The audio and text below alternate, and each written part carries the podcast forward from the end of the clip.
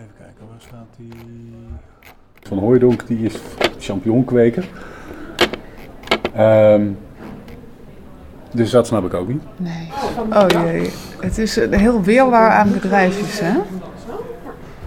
Ja, dat is het. Eh, dus de vraag is ook een klein beetje van wat, wat, eh, hoe gaan we hierin verder? Ja, ik vind het aan. machtig interessant. Ja. Iedere keer alsof, alsof je zo'n doosje in een doosje hebt, wat je steeds weer. eh weer Ja, ik ben, het, ik ben het overzicht ook al onmiddellijk kwijt. Ja.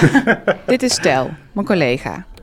We zitten achter zijn computer en proberen te begrijpen hoe de burn-out instelling Vitalis GGZ in elkaar zit. Want wat hebben een yogadocent met de pipowagen, een champignonkweker en een GHB-verslaafde met elkaar gemeen?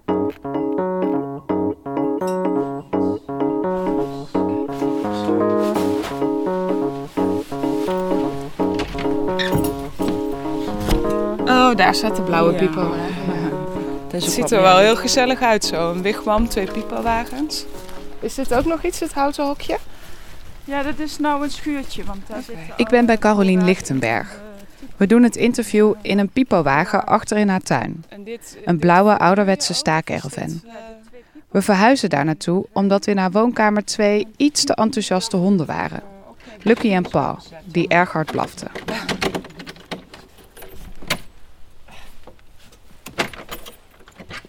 Caroline is yogadocent. Begin vorig jaar kreeg ze een mail van Vitalis GGZ. Een organisatie die ze toen nog niet kende, maar die haar wel een aantrekkelijk plan voorschotelde. Eh, je kon dan een licentie voor een gemeente waar jij wil werken aanvragen. En als zij dan klanten daar krijgen, eh, sturen ze die naar jou toe. En dat doorverwijzen, dat was niet het bijzondere van het plan. Wel dat Vitalis GGZ ervoor zou zorgen dat allerlei alternatieve therapieën voor burn-out vergoed zouden worden door de basisverzekering.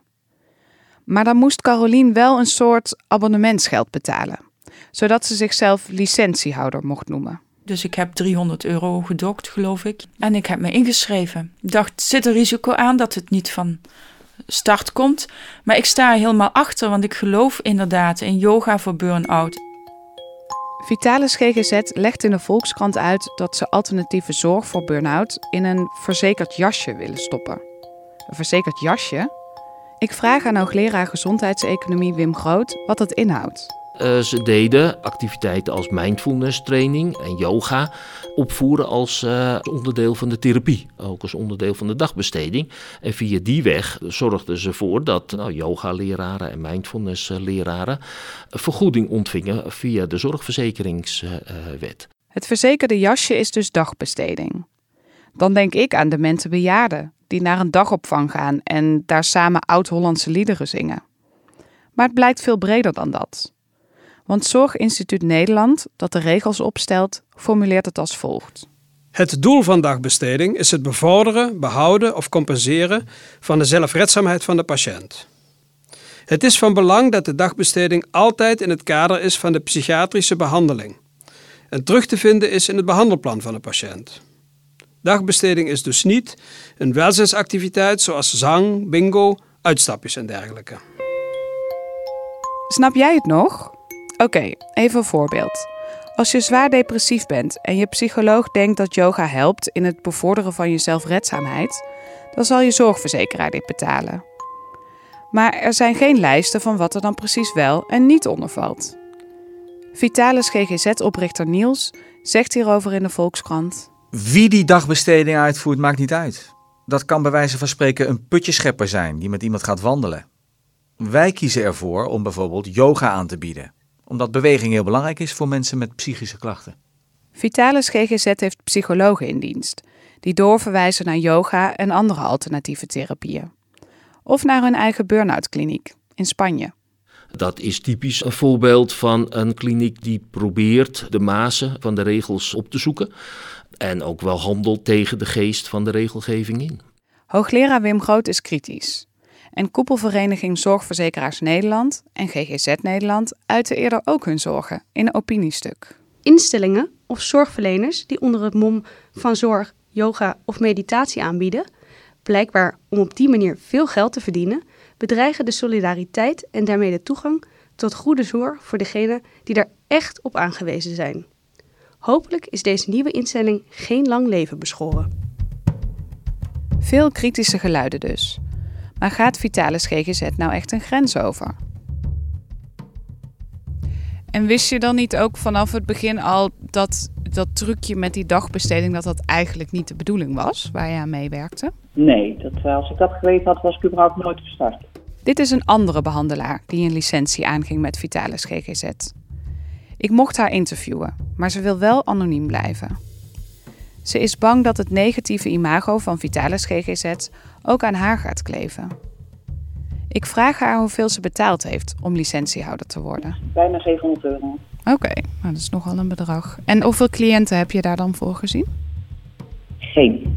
Geen. Er is niemand uiteindelijk doorverwezen vanuit Vitalis GGZ naar jou toe.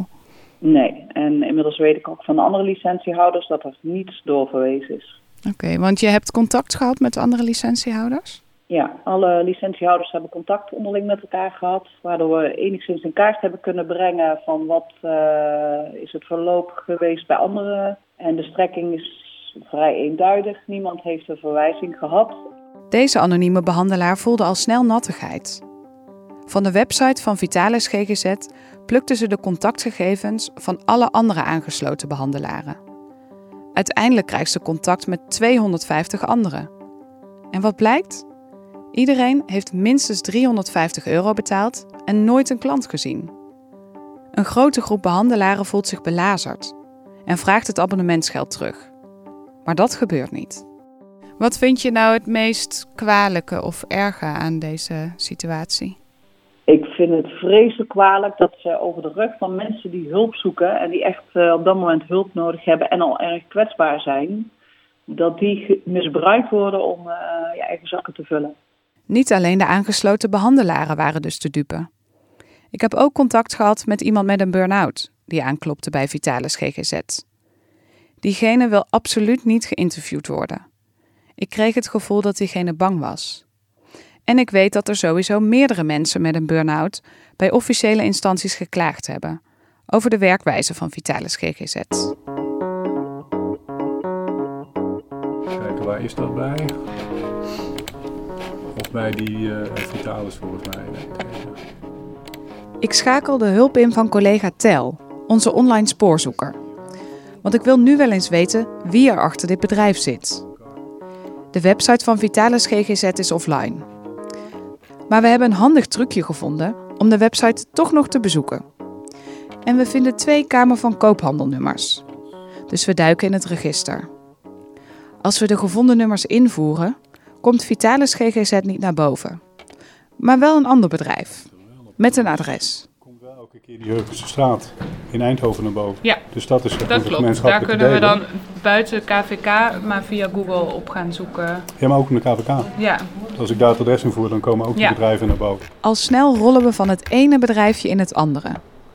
En we zien ook dat Vitalis GGZ, na negatieve berichten in de krant, de naam heeft veranderd in Cura Clinics.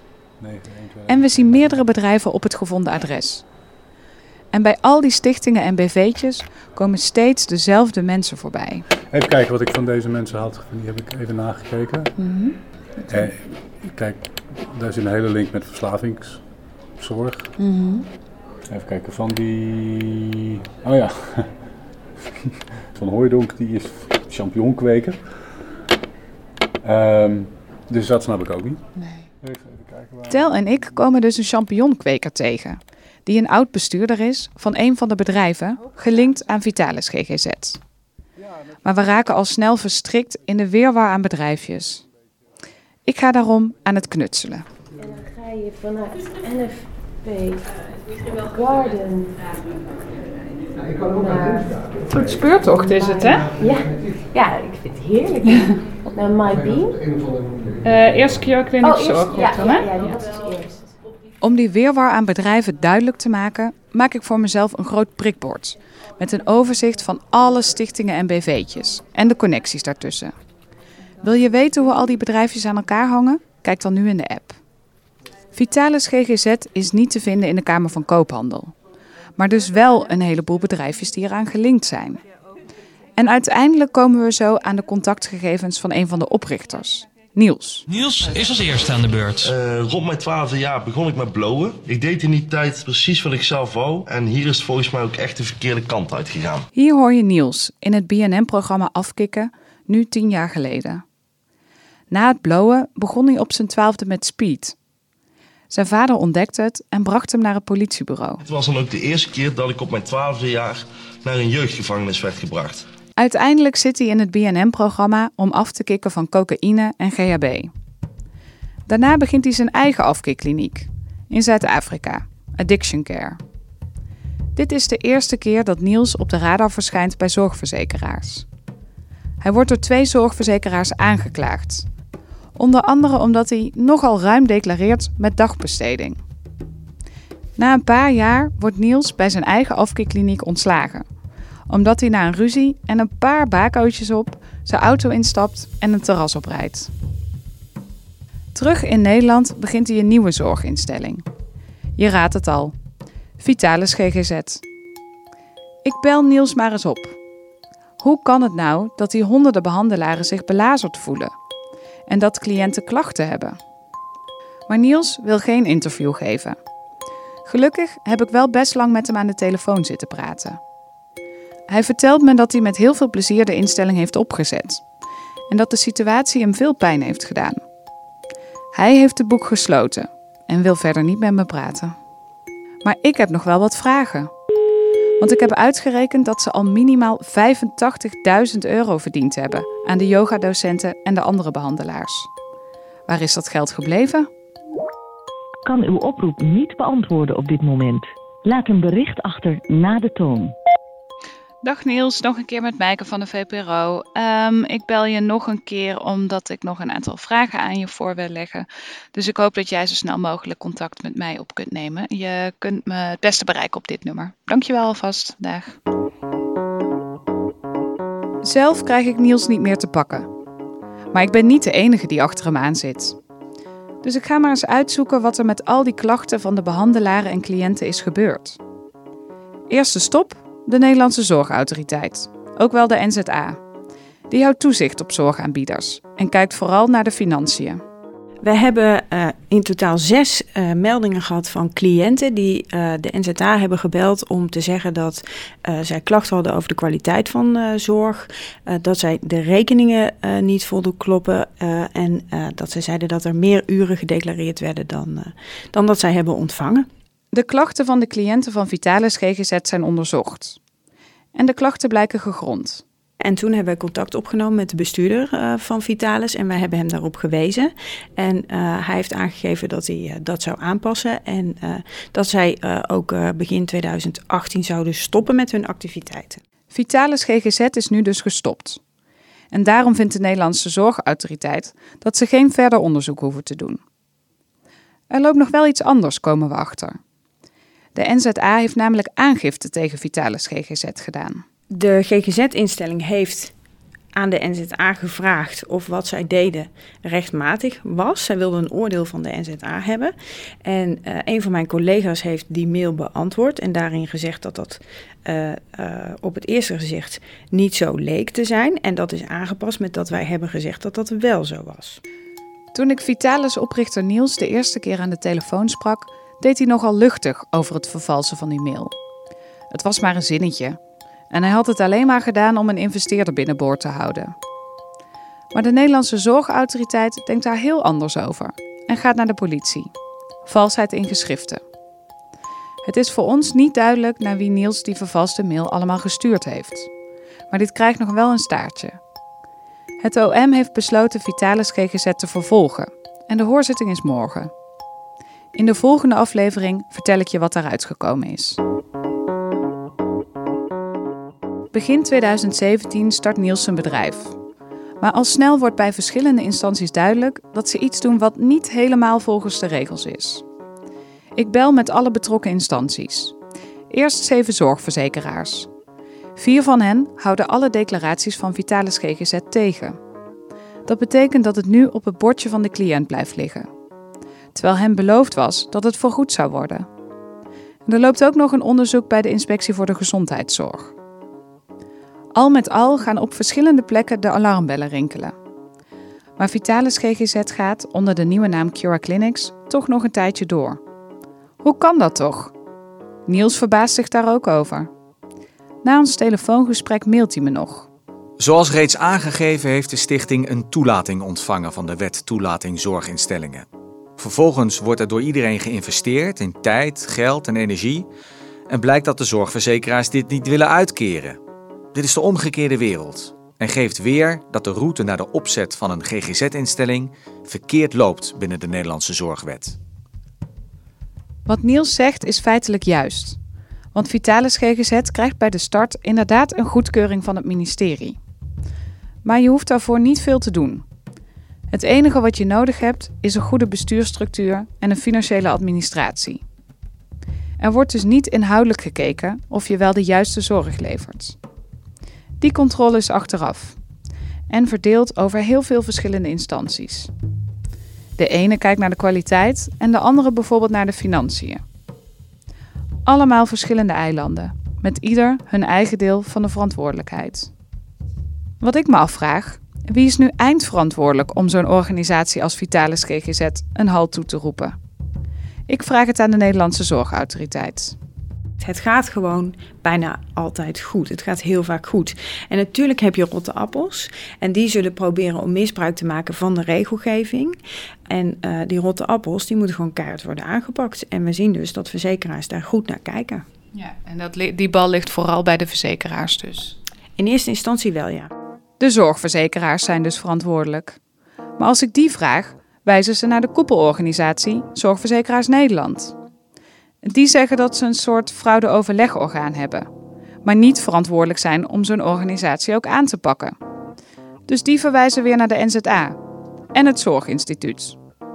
En het Zorginstituut zegt weer: wij zijn alleen verantwoordelijk voor het opstellen van de regels.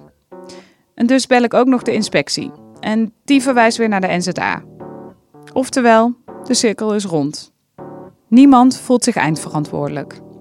Maar er zijn wel honderden yogadocenten, therapeuten en cliënten die zich opgelicht voelen. En tienduizenden euro's zijn richting Vitalis GGZ gevloeid. Zijn jullie niet gewoon een beetje naïef geweest met z'n allen? Ja, met de kennis achteraf. Uh, zeker.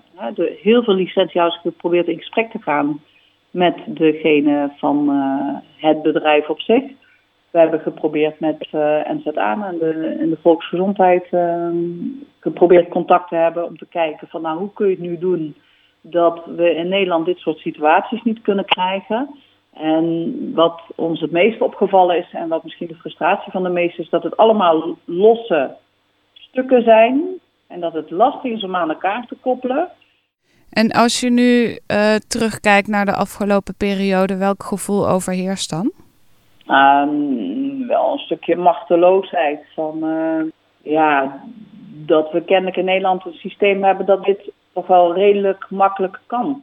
Toen ik Niels sprak, vroeg ik hem nog even, tussen neus en lippen door, of hij nog met een nieuw project bezig is.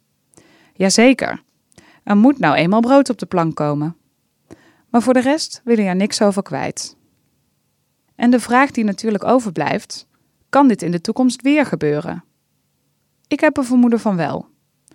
Ik vind samen met mijn collega Tel een andere burn-out kliniek, waar je nu gewoon nog naartoe kunt.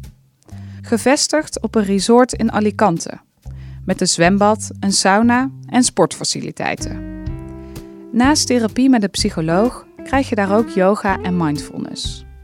En op hun site staat: de behandeling wordt volledig vergoed vanuit het basispakket van uw zorgverzekering. Bedankt trouwens, spoorzoeker Tel en onze eigen trace researcher Michelle voor jullie hulp.